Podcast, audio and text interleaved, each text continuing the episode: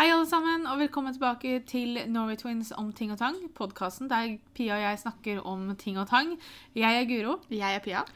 Og i dag så skal vi snakke om et tema som er Det er ikke sånn kjempelett å snakke om, det skal vi være ærlige og si, men det er også veldig viktig å snakke om. Og dere skal vite at den podkasten her blir ikke lagt ut for at jeg og Pia skal være sånn Å, syns synd på oss og stakkars oss og uffa meg og sånn. Men det er litt for at vi skal dele vår erfaring med det, men også for at kanskje hvis det sitter noen og hører på som opplever det her akkurat i dag, så skal de få litt inspirasjon til å si at nok er nok, og at det her godtar jeg ikke. For det er nok kanskje den følelsen jeg og Pia sitter igjen med og hadde ønsket at vi gjorde for nå en del år siden. Det vi skal snakke om i dag, er å oppleve mobbing eller det man kan kalle psykisk mishandling fra noen i nær familie.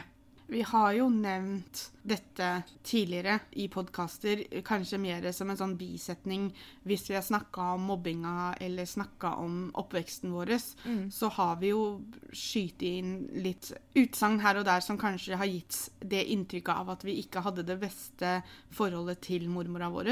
Og det, det her er jo grunnen til det, og vi har jo også sagt at vi skulle forklare det bedre i en mm. podkast, og i dag er dagen. Det vi kan begynne med å si, er at jeg og Pia vokste opp fram til hun var 14 med verdens beste mormor. Mm -hmm. Hun var streng. Ikke noe overdreven streng, men hun var litt sånn at eh, det var viktig med skolearbeid, og det var viktig liksom å Ja, det var vel skolearbeidet hun var mest streng på sånn sett. Det var ikke noe morsomt å gjøre lekser sammen med henne vi har tilbrakt veldig mye tid hos mor mm. med bestefar. Det var veldig ofte bestefar som henta oss på skolen, og så var vi hos mor med bestefar i et par timer til mamma kom og henta oss, eller bestefar kjørte oss hjem.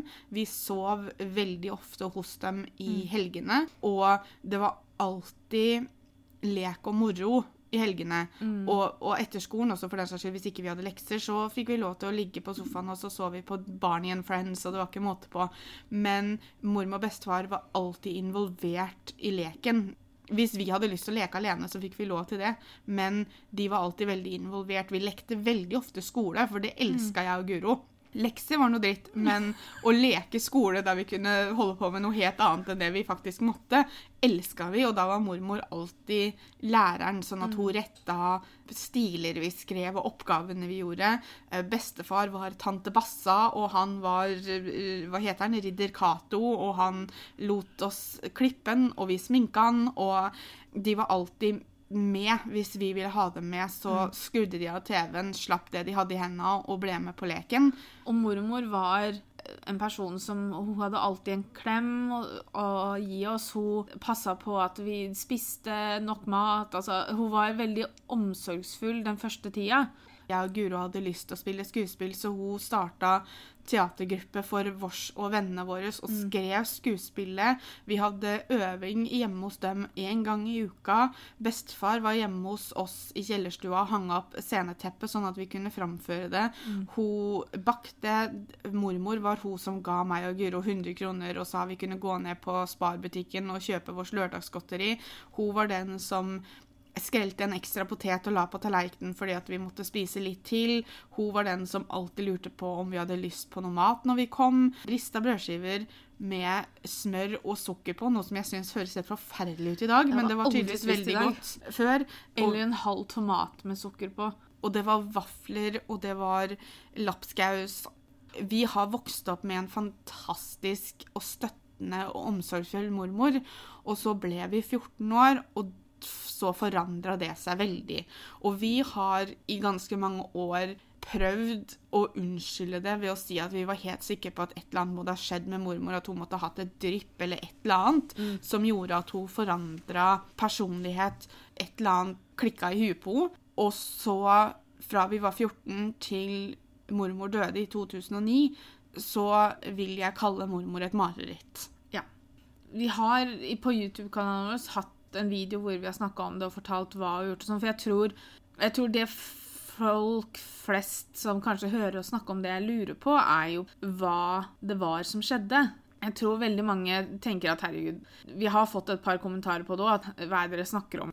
Mobba av mormor. Men de vet jo ikke De vet ikke hele historien, for å si det sånn, da. Nei, og så er det folk som sier det, har veldig ofte ikke opplevd å bli mobba sjøl. Det er veldig viktig å huske det at du vet aldri hvordan personen som hører disse stygge orda en, en, Dem som sier det, kan godt tenke ja, men det er, jeg bare snorter litt.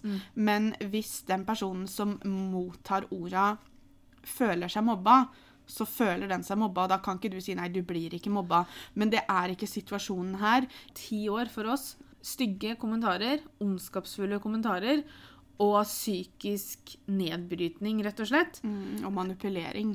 Mormor ble helt opphengt i hvordan jeg og Pia så ut. Vi var så snille som lam når vi var små. Det spilte ingen rolle. Vi så ikke sånn ut som mormor ville. Når vi kommer nå inn i hva som skjedde, så må dere vite at det høres like sykt ut for meg og Pia å sitte her og gjenfortelle det som det kommer til å høres ut for dere, kanskje. Og så er det litt grann også det at vi kommer ikke til å gå helt i detalj og fortelle dere alt som ble sagt og alt som ble gjort. Det her går ikke på det. Det her går mer på at vi skal fortelle hvordan dette var å leve med. Det spiller ikke noen rolle for historien hva som ble sagt. Noe må fram bare for, å, for at man skal skjønne hvor alvorlig det var. Ja, og hva det gikk i, men Ja. vi kommer ikke til å detaljere alt mulig rart. Men det er litt fordi at jeg har ikke noe lyst til å skal sitte og grave i hjerneminnene mine og Nei. huske alt sammen. Er det noe jeg sliter mest med i dag, så er det det mormor gjorde. Ikke nødvendigvis alt som skjedde på skolen. Nei. Jeg har ikke lagt det bak meg heller, men selvfølgelig så gjør det mer vondt, og det sliter mer på meg det mormor gjorde, fordi dette var en mormor. Hun skulle være glad i meg uansett, og det var hun ikke. Det også gjorde hun veldig tydelig. Hun sa det til og med innimellom òg. Men det det gikk på, da, var at jeg og Pia var for feite. Og nå det- bruker vi hennes ord, ikke våre ord. Hun brukte ordet feit, hun brukte ordet stygg. Hun brukte svært lite ordet overvektig. Ja. Det var tjukke og feite og stygge og ja, Hun kalte vel oss aldri dumme rett ut, men det var en Det var alltid sånn Hvorfor får ikke du like bra karakterer som prikk, prikk, prikk? det var veldig mye sammenligning. med andre som da tydeligvis var mye flinkere enn oss. Det er ikke for å ta bort fra de som var flinke, for de er flinke. Da ble liksom aldri det jeg og Pia gjorde, godt nok. Når vi konfirmerte oss som 15-åringer, mormor ville kjøpe nye klær til oss som vi skulle ha på oss i konfirmasjon.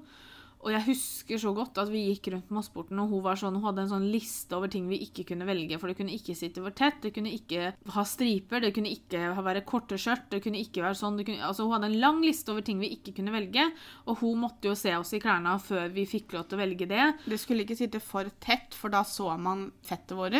Og så kunne det ikke være for løst, for da så vi mye større ut enn det vi var. Hvis man ser bilder, spesielt av Guro, fra vi var 15 år, så står Guro alltid med hendene eller armene foran magen. Det ser egentlig ut som Guro prøver å niholde på et eller annet på alle bilder, fordi at hun står og holder hendene foran magen i håp om å prøve å dekke over noe som mormor kunne kritisere. Hvis vi spiste middag der hjemme, så var det mormor som måtte ta på mat til oss. Hvis vi tok på mat selv, så var det veldig veldig ofte at hun tok tallerkenen tilbake og tok av litt, for hun mente at vi hadde tatt for mye. Det blikket som hun sendte i bursdager og sånn, hvis jeg og Guro tok kake. Og da var det ikke hvis vi tok kake en gang til, det var hvis vi tok kake generelt. Det var ofte som hun også sa det at nei, vi trengte ikke å ta kake, vi, var feite nok fra før. Og igjen, hennes ord, ikke våres. Det her var ikke noe hun hinta til, det var ikke noe hun sa til oss men, i en sånn setning som du, vi leste mellom linjene og sånn. Det her er det hun sa til oss. det vi må få fram, og det som er veldig viktig, er det at for det første så visste mormor at jeg og Guro blei mobba på skolen. Mormor ble også veldig fort klar over når hun kunne si det til oss. Og det fikk jeg hjelp av legen min til å innse. Så går det på dette dette var en person som jeg og Guro faktisk var veldig glad i, og vi ville hele tiden prøve å I hvert fall jeg har gjort det, tatt meg selv i det veldig ofte, og prøve å unnskylde oppførselen hennes. Jeg er veldig ferdig med det for en stund siden. Ja, men jeg gjorde det mye i førsten, i hvert fall. Det blei veldig det at ja, men hun sier det på en feil måte, men hun sier det fordi hun er glad i oss, var, var det jeg sa veldig ofte. Og så blei det litt det at ja, men hun, hun, bare, hun har ikke helt funnet ut hvordan hun skal snakke til oss, så hun bruker ord som hun tror at vi kommer til å liksom skjønne alvoret av. Men det som var med mormor, var det at det her var ikke noe mormor sa fordi hun fant veldig fort ut hvem hun kunne si ting foran. Og det har vi fått en del spørsmål om på eh, Instagram til podkasten, var Hvorfor gjorde ikke familien noe? Hva gjorde familien når de oppdaga det? Hvordan reagerte de? Sa, hva sa de til mormor? Mormor sa aldri noe foran mamma og pappa. Hun begynte, men hun innså veldig kjapt at hvis jeg sier noe nå, så får jeg, da får, blir jeg snakka til. Mm. Så jeg, må, jeg kan ikke si noe foran Sånn som pappa for eksempel, visste hun veldig godt at hun ikke kunne si noe foran. Det var en julaften som Pia stressa noe så inn i granskauen hjemme fordi hun visste ikke hva hun skulle ha på seg fordi mormor skulle komme. Og da, kunne, da hadde vi jo disse reglene som gjaldt klær og sånn. Jeg tror jeg holdt på i et par timer. Jeg må prøve ja. så å si alt jeg hadde i skapet. Og hun prøvde, hun kom ned og viste, og så nei, det ble ikke bra nok. Og så løp hun opp igjen. Og så mamma ringte til mormor og sa det at nå har jeg en jente her. Hun flyr opp og ned og holder på i to timer og prøver klær og prøver klær og prøver klær fordi hun vil finne noe som du godkjenner. Finne som, noe som ikke hun kom til å kommentere. Ja. Magen min eller puppa eller låra eller Så mamma ble veldig sinna på mormor og tok en telefonsamtale til henne før de skulle komme på julaften. Mormor hadde vel så vidt kommet innafor døra, så kommenterte hun jo hva du hadde på deg. Mm. Det samme gjaldt jo meg, fordi at etter noen år med det her, så kjente vi jo på at det begynte å tære. At vi grua oss til å dra opp til mor og bestefar fordi vi visste hva som kom. Og igjen, ikke foran bestefar, ikke foran mamma og pappa, eller noe sånt, når vi var alene. Hun passa på å sende bestefar ut av rommet før hun kunne ja. angripe. Og jeg husker at jeg også tok en samtale med mormor, og så sa jeg det at uh, du kan si hva du vil til meg, men ikke si noe til Pia. Sånn var jo jeg. altså Det var ikke nødvendigvis det at jeg takla det så mye bedre enn Pia, men Pia har alltid vært sånn at hun blir mer synlig lei seg med en gang, der og da, mens jeg holder det inni meg til jeg er aleine, og så slipper jeg det ut. Jeg sa det til mormor, at si hva du vil til meg, kall meg hva du vil, gjør hva du vil, men ikke gjør det mot Pia lenger. Vi ble vel enige om at det var ordningen vi skulle ha framover. Og det sier jo litt det også, at hun faktisk sa seg enig til Ikke det at hun ikke, Hun tok det ikke til seg det at Pia syntes det var fælt og ikke ville høre det, og at kanskje da det er noe jeg ikke bør si til noen av dem. Men nei da, hun sa seg enig om at hun skulle framover bare si ting til meg. Neste gang vi var oppe der da, så gikk det relativt greit, syns jeg. Det begynte veldig bra med at ikke det ble kommentert og sånn, og så ble bestefar sendt ut av rommet for han skulle hente et eller annet. da. Og da sa hun at 'jeg vet dere ikke liker at vi snakker om det, men' Det var ingen måte å få henne til å slutte på. Det var ingenting vi kunne si som trang inn og fikk henne til å stoppe. Hun ville ikke stoppe, og derfor stoppa hun ikke. Altså, etter at det her ga seg fordi mormor gikk bort, så har jo vi innsett at vi skulle vært flinkere til å si ifra hjemme, men jeg og Pia har alltid vært Vi har vært veldig beskyttende, da, overfor alle vi er glad i. Og vi tenkte jo det at hvis vi forteller mamma og pappa om det her, så blir kanskje mamma veldig lei seg, fordi det er jo hennes mamma som gjør det her. Og så blir kanskje pappa lei seg, og kanskje pappa blir til, til og med sinna. Sånn at vi på en måte holdt jo for oss selv fordi vi ville beskytte de andre rundt oss. Vi ville mm. ikke at mamma skulle bli lei seg, vi ville ikke at pappa skulle bli lei seg og sinna. Som voksen i dag så skulle jeg ønske at vi hadde sagt ifra. Fordi vi hadde fått den hjelpa vi trengte. Og altså, mamma har jo sagt det hun sjøl. Altså, vi hadde jo ikke fått lov til å dra opp der. Nei. Det gikk så langt at jeg fikk ikke lov til å dra opp der av legen min. Fordi at jeg var jo kjempedeprimert, og jeg slet jo med diverse ting. Og det var situasjoner som blussa opp når vi mm. hadde vært hos mormor, og fikk streng beskjed av legen min og fikk streng beskjed av psykologen min om at jeg fikk ikke lov til å dra opp der du, du, kan jo sikkert lure hvorfor i alle dager ville du opp der, men vi ville opp der pga. bestefar. Mm. For bestefar har alltid vært verdens søteste, snilleste, beste bestefar. Og han dro ikke veldig mange steder uten mormor. Og da, for å se han, så måtte vi opp der. Vi hadde jo med oss Kristine og daværende kjæresten til Guro opp der. Og var det noe mormor hata, så var det Guro med pannebånd. Ja da. Det, det, var det styggeste mormor hadde sett, og det hadde hun heller ikke noe problem med å si ifra om. hvis jeg hadde på meg pannebånd og vi skulle til mormor, så pleide jeg alltid å ta det av, men jeg hadde glemt meg den ene gangen. Og så var det jeg- kanskje naivt av meg å tro at hun ikke kom til å si noe foran dem to, da. Ja, men de hadde jo heller ikke da vært der oppe, så hun hadde ikke fått sjekka ut kommer disse menneskene til å si noe. Og jeg og Guro begynte å kjenne igjen tegna på når mormor kom til å skifte samtaleevne over på noe som ikke vi ville. Som regel så pleide jeg og Guro da å begynne å sette i gang med det å dra hjem. Prøve å komme oss ut av situasjonen. Og den gangen så satt hun nesten og trippa, fordi at hun liksom bare venta på en åpning så hun kunne slenge inn litt. Og da så hun rett på Kristine, som er en av de søteste og snilleste menneskene du noen gang kommer borti, som ikke ønsker noen vondt i det hele tatt. Og så ser mormor på henne, og så sier hun 'Ikke sant, Guro er stygg med pannebånd'. Og hvis Kristine kunne bare forsvunnet på stedet da, så hadde hun gjort det. For hun ble så paff og så tatt på senga at hun visste ikke helt hvor hun skulle gjøre av seg. Og det skjønner jeg veldig godt. Dette var en dame hun ikke hadde møtt før, og så skulle hun plutselig da sitte der og skulle liksom si seg enig i at, at Guro var stygg. Og det at mormor ikke klarer å skjønne at det kommer ikke vennene våre til å si allikevel. Og hun prøvde seg jo til og med på den daværende kjæresten din. Han fikk samme spørsmålet. Og det var jo ingen av dem som svarte. Når jeg gikk siste året på, på videregående, så fikk jeg jo meg kjæreste, som jeg var sammen med i mange år. Han gjorde livet mitt så mye bedre. For å bruke dramatisk begrep, så på mange måter så redda han livet mitt. Fordi han kom inn i livet mitt på en tid der det med mormor var som verst. Før han skulle treffe henne første gangen, så fortalte jeg han alt som foregikk. Og jeg husker at jeg lå bare og gråt og gråt og gråt når jeg fortalte han det. Fordi det er som Guro sa innledningsvis, at det, det høres veldig rart ut å sitte og si at dette her var sånn mormor holdt på. Og så dro vi opp der. Jeg visste ikke helt hva jeg skulle forvente. Fordi jeg hadde aldri hatt med meg en kjæreste opp der i voksen alder før. Og vi hadde ikke nødvendigvis vært sammen veldig lenge. Hun sendte meg veldig fort ut av rommet, for jeg skulle gå og hente noe drikke til henne. Og da tenkte jeg å nei.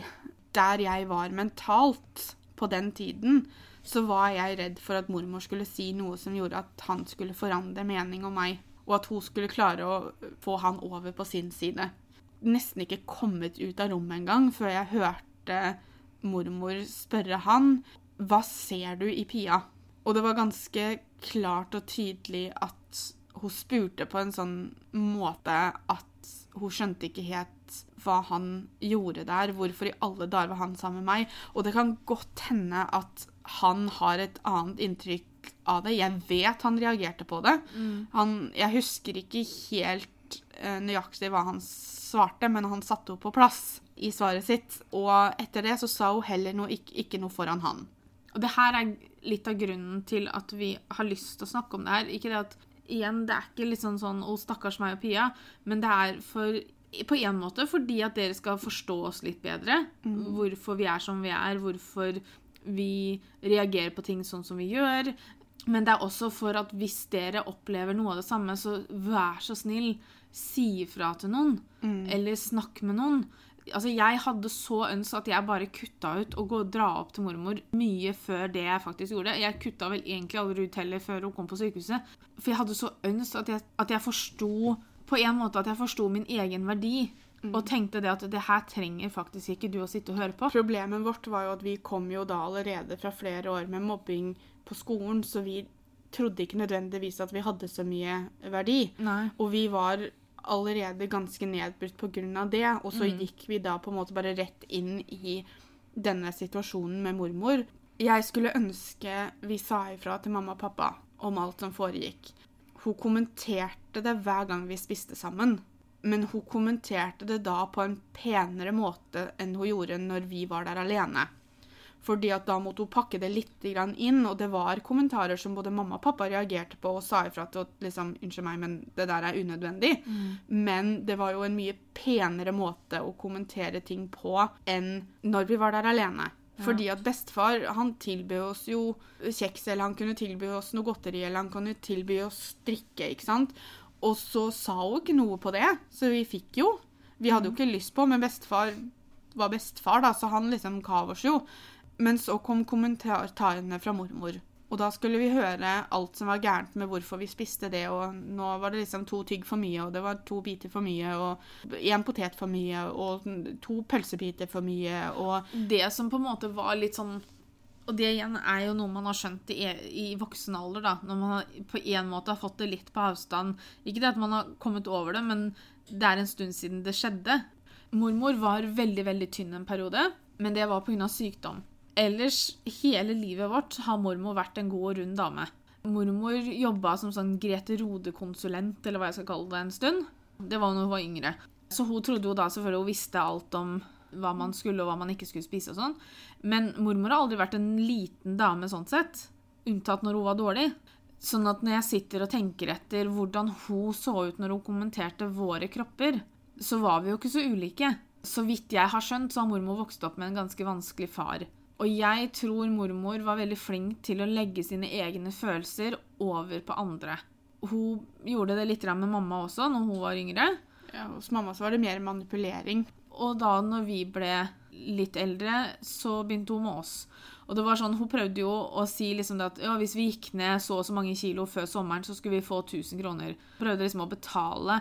Og det hun ikke skjønte, da, var det at hver gang jeg og Pia gikk fra mormor, og hadde sittet og hørt på det her i lange stunder, så var det ikke akkurat som vi var supermotivert til å, å, å begynne å trene eller til å begynne å spise bedre. eller noe sånt. Instinktet vårt da var jo det man kan kalle trøstespising. Så hver gang vi hadde vært hos mormor, så fikk vi jo lyst på alt mulig crap, for å være helt ærlig, fordi at følelsene våre var så vi, Da hadde vi det så vondt, og det var det vi brukte mot det vonde, på en måte, da. Jeg merker at jeg sitter bare og tenker hvorfor reiste vi oss ikke opp og gikk? Hvorfor reiste vi oss ikke opp og gikk? Vi snakka jo om det sammen med venninna og mamma her for forrige uke. Kan man kalle det mobbing, sa hun, eller var det noe mer alvorlig? Hvis vi skal kalle det psykisk mishandling, da, som det faktisk kan være, så du har alle de andre som spør hvorfor gikk du ikke første gangen han slo. Nei, fordi at jeg er glad i han. Det var jo bare den ene gangen. Han ble bare så sinna. Altså, du har alle disse unnskyldningene om hvorfor man ikke gjorde som man gjorde. Fordi når man er i den situasjonen, så er det ikke så lett å se det utenifra. Sånn at hvorfor ikke vi reiste oss opp og gikk, var jo fordi at vi så jo mormora vår, og vi tenkte jo stadig vekk på den mormora hun hadde vært når vi var små. Det her tror jeg var også litt sånn sjalusi. Vi har vel ikke valgt den ene framfor den andre sånn når vi var yngre, men vi har alltid vært veldig, veldig bestefarjenter. Og det tror jeg mormor så veldig tydelig når, når vi ble eldre også. Og særlig da når hun holdt på som hun holdt på, så selvfølgelig så trakk vi jo da heller mot bestefar. En gang, Og det husker jeg var den eneste gangen jeg begynte å gråte foran hun, var fordi at hun sa nå må dere skjerpe dere, jenter. Dere må slanke dere, for nå er dere altfor feite, og bestefar er bekymra. Og hvorfor jeg ble lei meg da, var fordi at da så jeg for meg at mormor og bestefar satt og diskuterte det her når de var alene, og at bestefar var enig i alt mormor sa til oss. Når jeg fikk det litt på avstand, når jeg kom hjem og sånn, så begynte jeg å tenke, fordi at hun sa jo aldri noe foran bestefar heller, og hadde bestefar vært enig, så ser jeg ikke for meg at det hadde vært så farlig.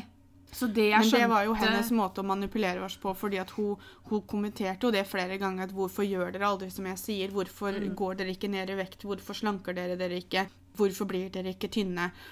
Og hun fant ut at for å få et større slag nå, for å få en større impact, så må jeg dra inn han som betyr mest for dem.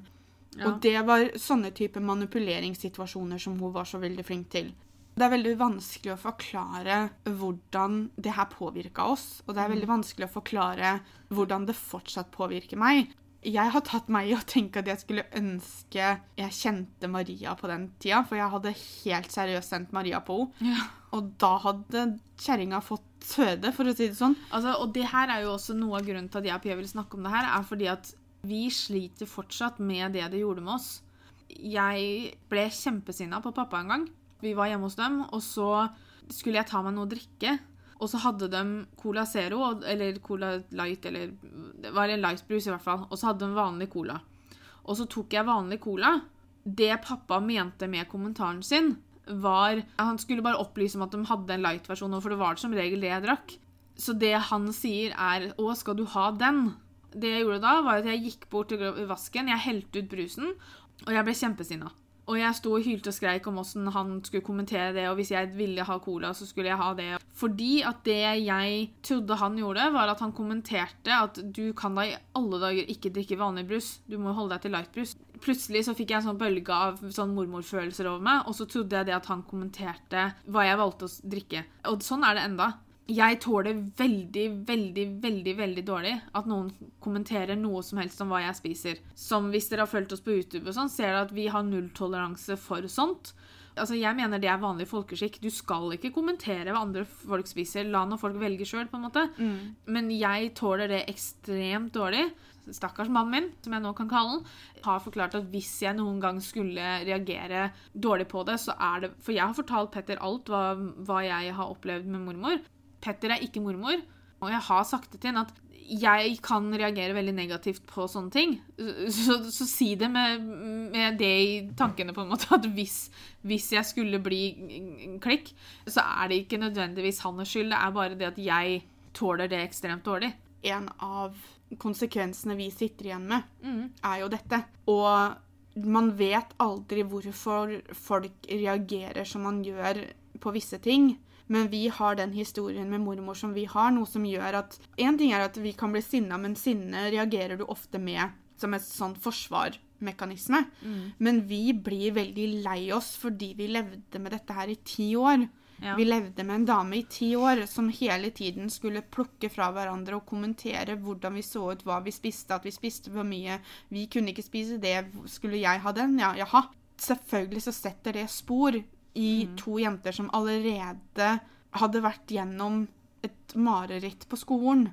Og vi må få lov til å reagere som vi reagerer. Selvfølgelig det er ting vi kan jobbe med. Og jeg tror også det at vi begge to har blitt bedre enn det vi var Ja, ja, ja. eh, for noen år siden. Mm. Men det er veldig viktig å huske på hva det kan gjøre med en person.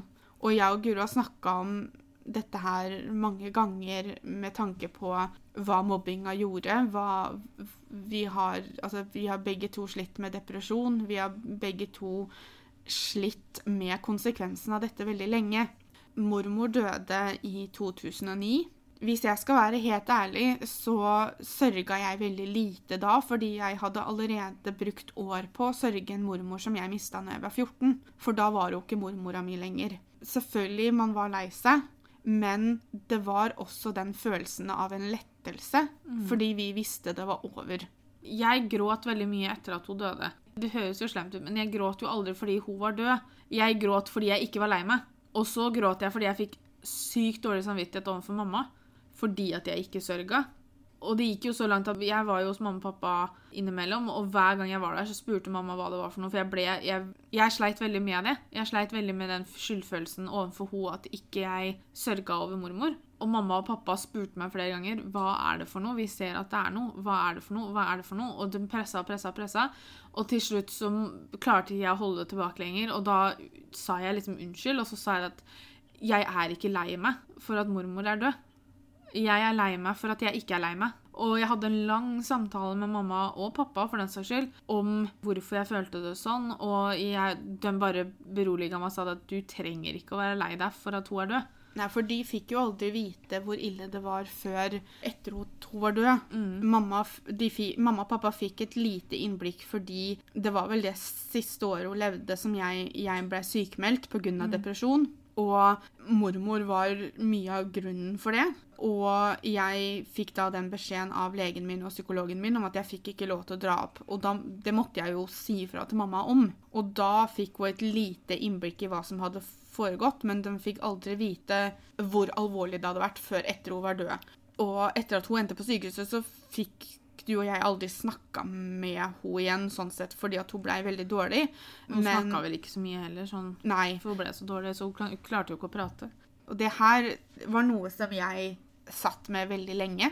Og jeg husker jeg fortalte det til deg mens du bodde i Dokkveien. Vi satt der oppe sammen med Mari og Maria. For siste samtalen jeg hadde med mormor, var ja, ukes tid før hun endte på sykehuset.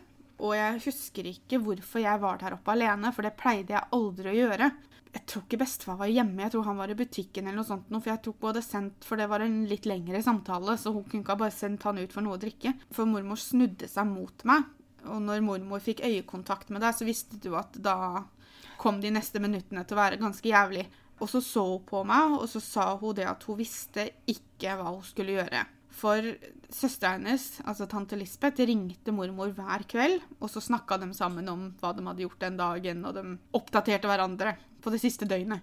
Og så sier hun til meg at jeg vet ikke hva jeg skal gjøre når Lissen ringer, for hun spør meg hvordan går det med Pia og Guro, da? Og da vet ikke jeg hva jeg skal svare, for jeg har jo ingenting å fortelle hos og være stolt av. Ikke gikk jeg på skolen, og ikke fikk du gode nok karakterer på skolen. Og ikke klarte vi å slanke vårs. Så hun hadde ingenting å skryte av, hun hadde ingenting å være stolt av. Så hva ville jeg at hun skulle si til tante Lisbeth? Og da reiste jeg meg opp, og så gikk jeg. Og det var siste gangen jeg snakka med mormor. Og det hadde jeg bestemt meg for, at det her skal jeg aldri fortelle til noen. Jeg gikk ut døra, og jeg husker at jeg hadde så vidt lokka igjen døra før jeg begynte å gråte. Jeg ville ikke si det til noen, for jeg tenkte liksom hvis Guro hører det her, så blir bare alt så mye verre. Og det var vel et år eller to seinere, tror jeg, når jeg fortalte det til deg. Jeg er veldig glad for at du fortalte det til meg, for jeg er veldig glad for at du slapp å gå med det alene. Ja, men, men samtidig, så bare for at jeg skal slippe å gå med det alene, så er det ikke rettferdig å si det til deg, da. Nei, men det gjaldt jo oss begge. Så jeg er veldig glad for at du sa det til meg. Og jeg husker veldig godt at du fortalte det, og at Mari og Maria var der. For jeg husker at det var som om noen hadde tatt en dør og smelt den i ansiktet mitt. Det var akkurat som det plutselig gikk opp for meg akkurat hva det hun hadde gjort, betydde, på en måte. Og så husker jeg jeg gikk inn på badet, og så husker jeg at jeg låste meg inne på badet. Og så husker jeg at jeg, for rett innafor døra på badet mitt så sto jo vaskemaskinen min. Lokka igjen døra, låste døra, og så husker jeg at jeg stelte meg inntil veggen ved vaskemaskinen, og så bare sklei jeg ned på gulvet, og så husker jeg at jeg hylgrein. Mm, for vi hørte deg jo gjennom døra. Dere klarte å få meg til å låse opp døra etter hvert, sånn at dere fikk kommet inn til meg. Det er som du sier, det var akkurat som om den samtalen der understreka alt hun hadde gjort i de ti, ti åra.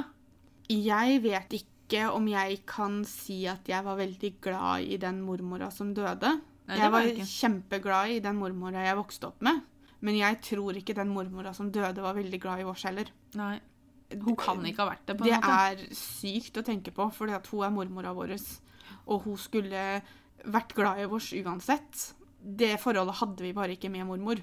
Jeg kjenner det eneste jeg sitter og tenker på nå, er hvor sykt det her egentlig er. Og jeg kjenner jeg blir lei meg når vi sitter og prater om det. Jeg kjenner, jeg kjenner på alle de følelsene jeg hadde da og fortsatt kan ha i dag.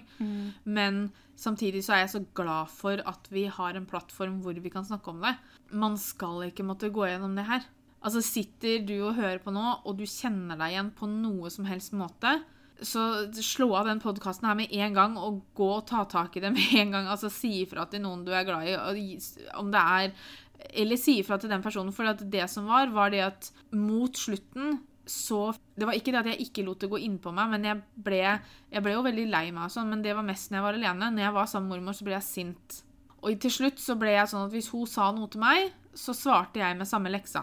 Ikke det at jeg sa 'nei, du er feit', altså ikke det jeg sa, men jeg ble frekk tilbake. Det jeg fikk høre da, var jo det at jeg var lik pappa. Du er sånn, ja. Lik faren din, du, sa hun. Akkurat som det var noe negativt. Og så sa jeg 'tusen takk', sa jeg da. Hun skal bare være glad for at ikke vi sa alt det her til pappa. en gang vi var og besøkte pappa i Malmö, så endte det jo opp med at vi hadde en veldig åpen og ærlig samtale med pappa om det her. Hvor pappa var veldig ærlig med oss og sa at han hadde ønsket at vi sa noe tidligere. Ja, og Han hadde jo ikke latt oss dra opp der. Nei. Og Og vi på en måte så var det jo egentlig det vi hadde trengt. Vi hadde trengt å si ifra til noen, så noen kunne si vet du hva, dere får ikke lov. Nei. Jeg fikk jo den beskjeden av legen og psykologen min, så jeg dro ikke opp der like ofte. Men det betyr jo ikke nødvendigvis at jeg ikke dro opp der i det hele tatt. Men hvis en av foreldra våre hadde visst det, så hadde vi jo blitt nekta. Det er veldig viktig å si ifra. Det kan ødelegge så mye, og hvis det her er noe som har vart i mange år, så kan det fortsatt ha ødelagt mye, men nei, jeg hadde veldig ønsket at, man, at vi tok tak i det tidligere og skjønte at eh, drit nå i om folk blir lei seg rundt oss, vi fortjener ikke å ha det sånn allikevel. Det er veldig lett å være etterpåklok, da. Ja. Og nå er vi i tillegg blitt veldig mye mer voksne. ja. og har lært av tidligere feil og lært av tidligere erfaringer. Ja. Noe som vil si at vi sitter jo med et helt annet perspektiv i dag. Så det er veldig lett for oss å si jeg skulle ønske vi gjorde det annerledes da, men når du sitter i det, så er ikke det like lett.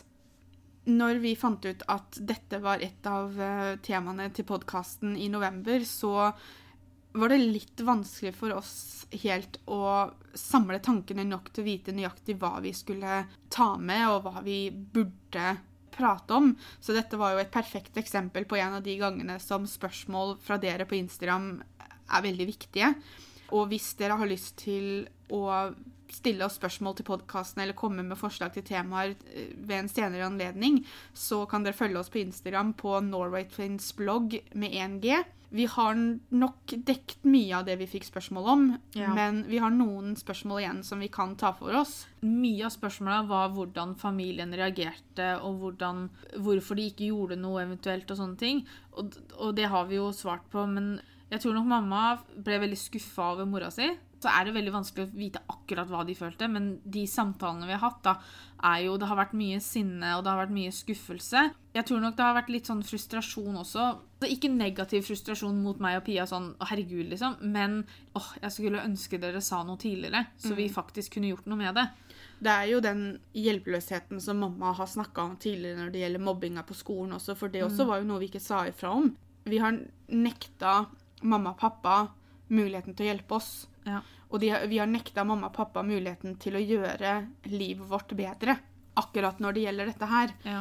Vi har fått 100% støtte av familien vår og vennene våre for den saks skyld når de har fått vite hvor ille det var. Og vi har møtt 100% forståelse for hva det da har gjort med oss senere, og hvorfor vi kanskje er sånn som vi er i dag, og hvorfor vi reagerer på diverse ting.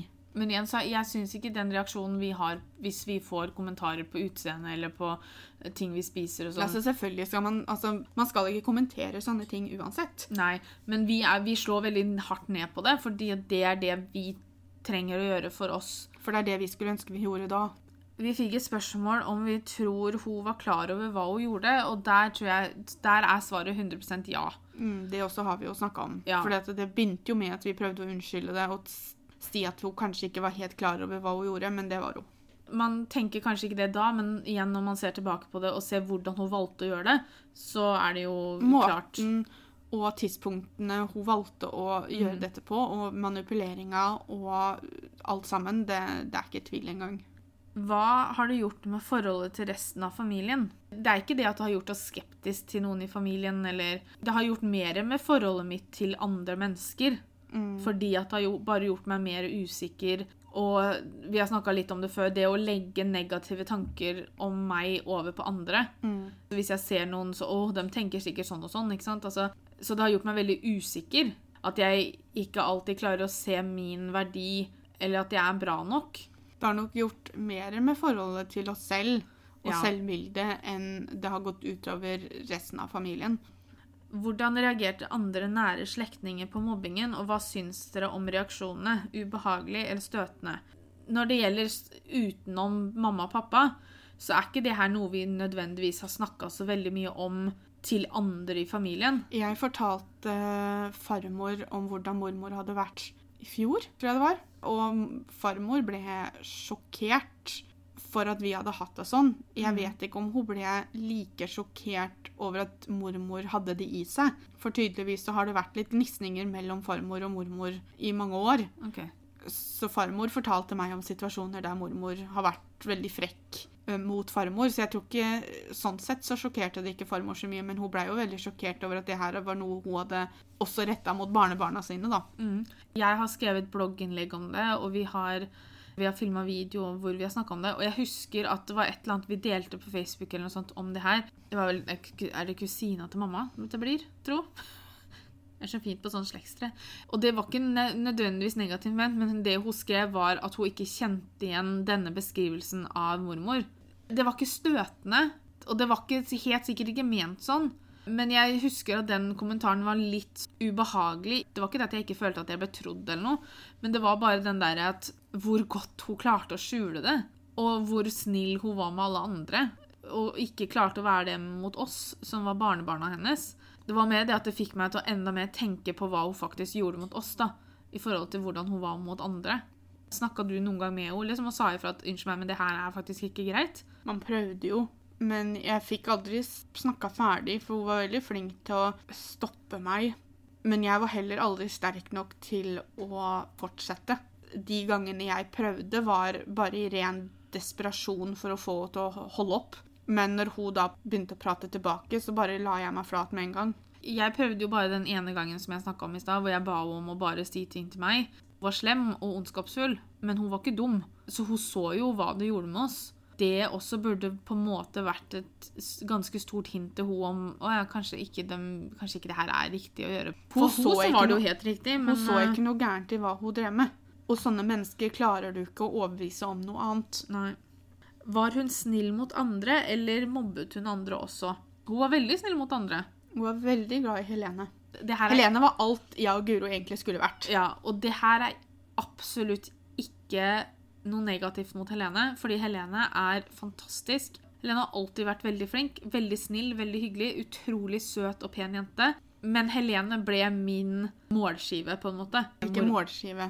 Nei, nei uff a meg, det hørtes så fælt ut. Men hun ble, hun ble på en måte det jeg måtte sikte etter. Ja. Sånn, ja, På en måte en målskive, men på en helt annen måte hvis jeg legger det fram riktig. Mormor var sånn Ja, hva fikk Helene? Og så skulle jeg på en måte tenkt at hvorfor skal jeg si det? Men jeg var jo Nei, hun fikk femmer, da. Ja, hvorfor fikk ikke du?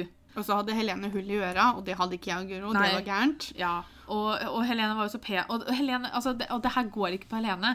Jeg vet at Helene hører på podkastene våre, så Helene, ikke ta det her til deg som noe negativt. Det her er mormor som er gæren.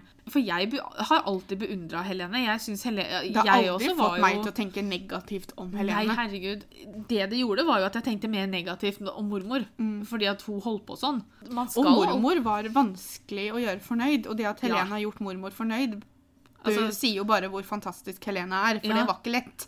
Og det, så hun var veldig snill mot andre. Jeg vet at hun, hun hadde en sånn overbeskyttende greie og kunne være streng. Vi hadde jo en venninne som mormor og bestefar adopterte litt, for å kalle det det. da, Fordi at venninna vår endte opp med å kalle mormor og bestefar for mormor og bestefar. For hennes besteforeldre bodde ganske langt unna. For eksempel, hun tok piercing i tunga.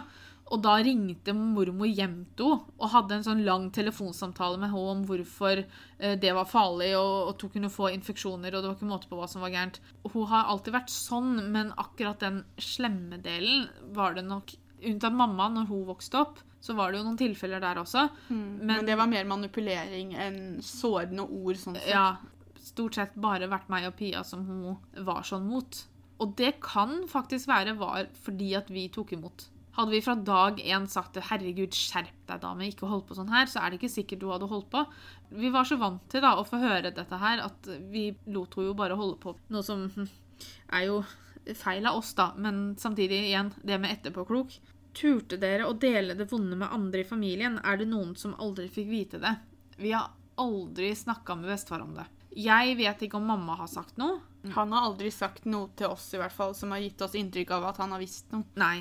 Og det kan godt hende at han vet det, men at han på en måte har visst hva jeg og Pia har følt om det, at han aldri har tatt det opp med oss bare fordi at Bestefar har aldri vært så veldig flink til følelser og sånn. Bestefar er ikke den personen vi har gått til hvis vi trenger å snakke om noe vondt og sånn. Han har nok kanskje, hvis han har visst det, så har han tenkt det at det å ignorere det er den beste policyen, for da snakker vi ikke om noe som gjør Pia og Guro lei seg. Men Um, jeg har aldri tenkt å snakke med bestefar om det heller. Ikke jeg heller. Vi kom jo i avisa om det at vi var så åpne om uh, mobbing og sånn på YouTube. Og da også var det jo det at vi passa på alltid å bruke familiemedlem. Men avisa hadde jo ikke fått lov til å trykke Nei, nei. spesifikt Nei da. Unntatt når vi har lagt ut på YouTube, for det vet vi at bestefar aldri hadde sett uansett. Så har vi liksom alltid sagt familiemedlem. Og det er ikke for å beskytte mormor, det er heller for å beskytte bestefar. Jeg vet ikke, og jeg bryr meg egentlig ikke om han vet det heller, for å være helt ærlig.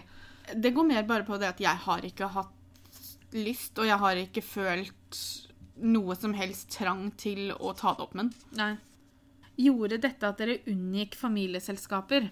Det gjorde jo ikke det, fordi at vi ville se bestefar. Og bestefar og mormor var liksom en package deal, da.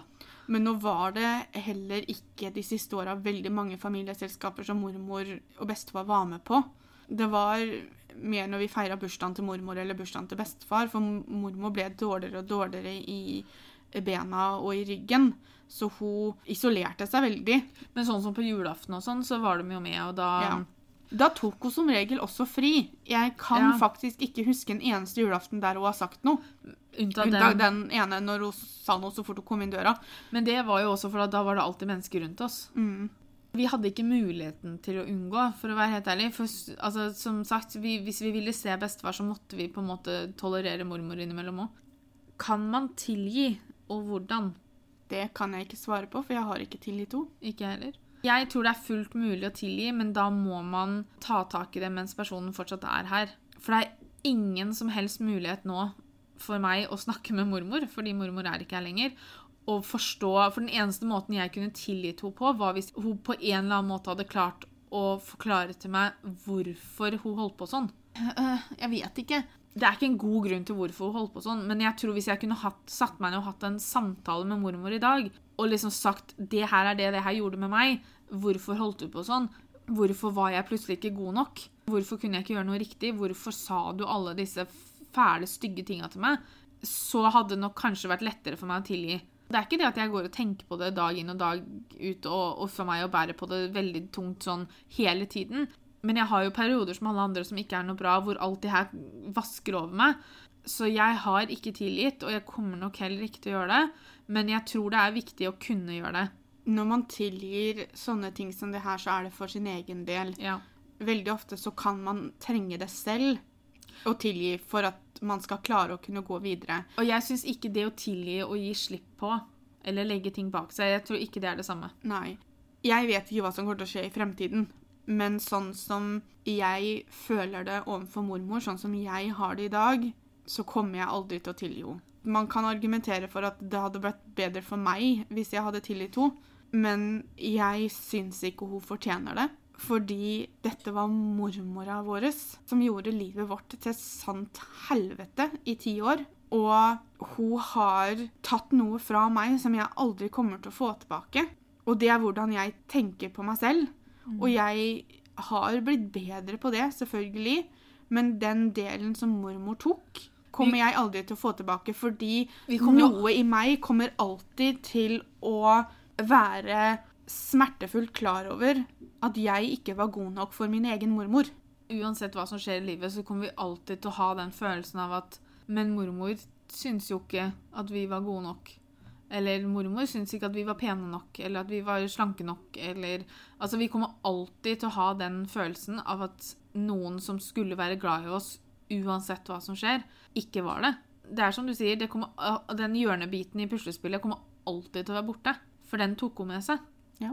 Og hun har heller aldri vist noe som helst form for anger, Nei. eller hun har aldri vist at det hun sa var vanskelig å si. Det var veldig lett for henne. Det var like lett som for henne å si som at hun snakka om været.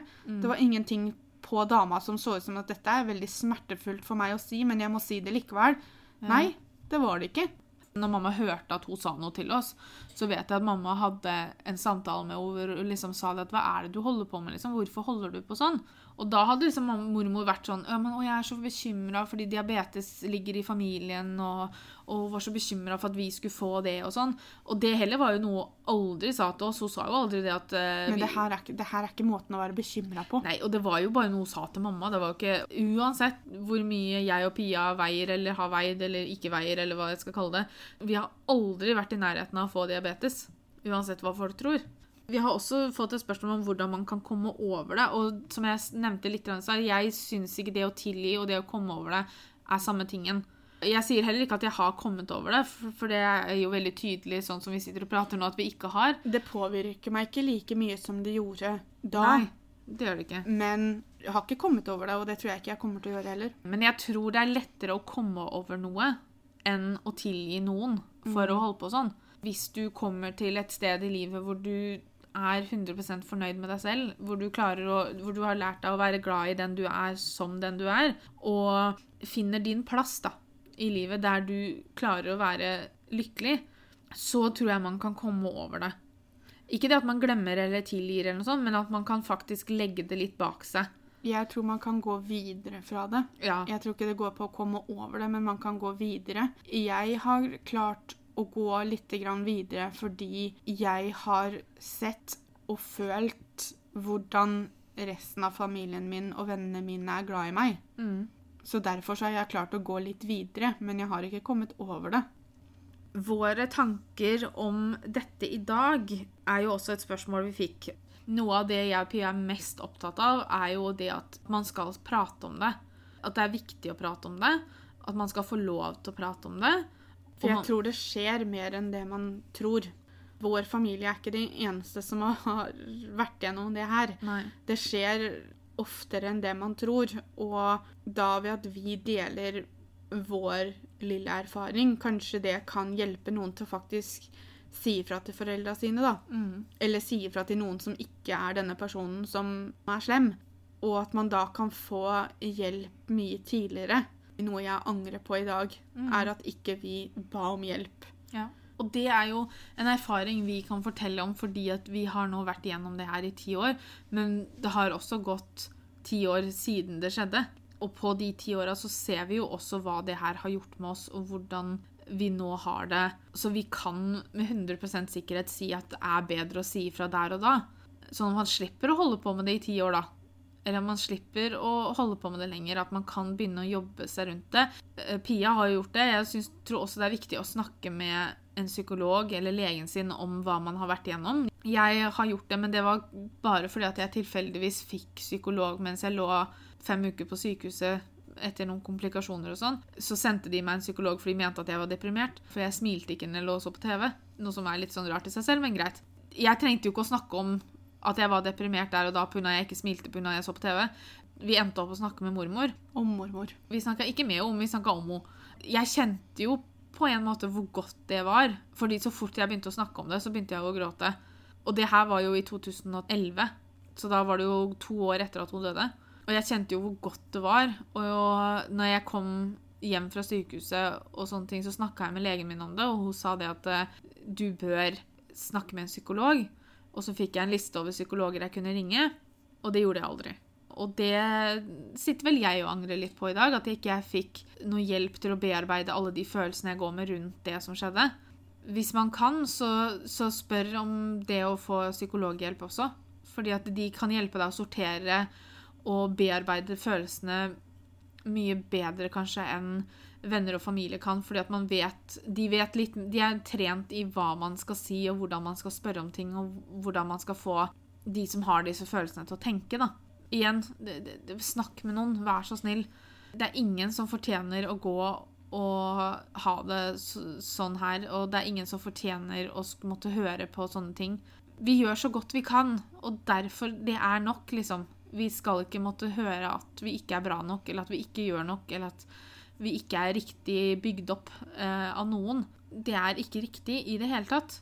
Det- er litt vanskelig å vite hvordan vi skal avslutte den podkasten her. ja, annet enn å si liksom vær så snill, ikke gå og ha det sånn her. Gå og snakk med noen. Og si ifra til noen hvis det skjer deg. Du fortjener å få hjelp til å komme ut av den situasjonen. Og selv om det kan være kjempevanskelig fordi det er et nært familiemedlem, eller hva det nå måtte være, de fortjener ikke at du tar hensyn til dem. For de tar jo ikke hensyn til deg. Så selv om du ønsker å beskytte Ja, sånn som jeg og Guru gjør med at vi ville beskytte mamma og pappa, og jeg tror på noen måter at vi kanskje prøvde å beskytte mormor også, og at vi ville ikke lage problemer innad familien, så er det ikke du som er problemet. Det er denne personen som oppfører seg på den måten. Det er dagens lekse, folkens. Snakk med noen, og vit at du er god nok som du er. Tusen takk for at dere hørte på. Vi legger ut et bilde angående den podkasten her på Instagrammen vår, Norway Twins blogg med 1G. Så hvis dere har lyst til å komme med innspill, har dere lyst til å dele en erfaring dere har, gi råd til noen andre, så gå inn og kommenter det på det bildet. Og så høres vi neste søndag. Ha det! Ha det.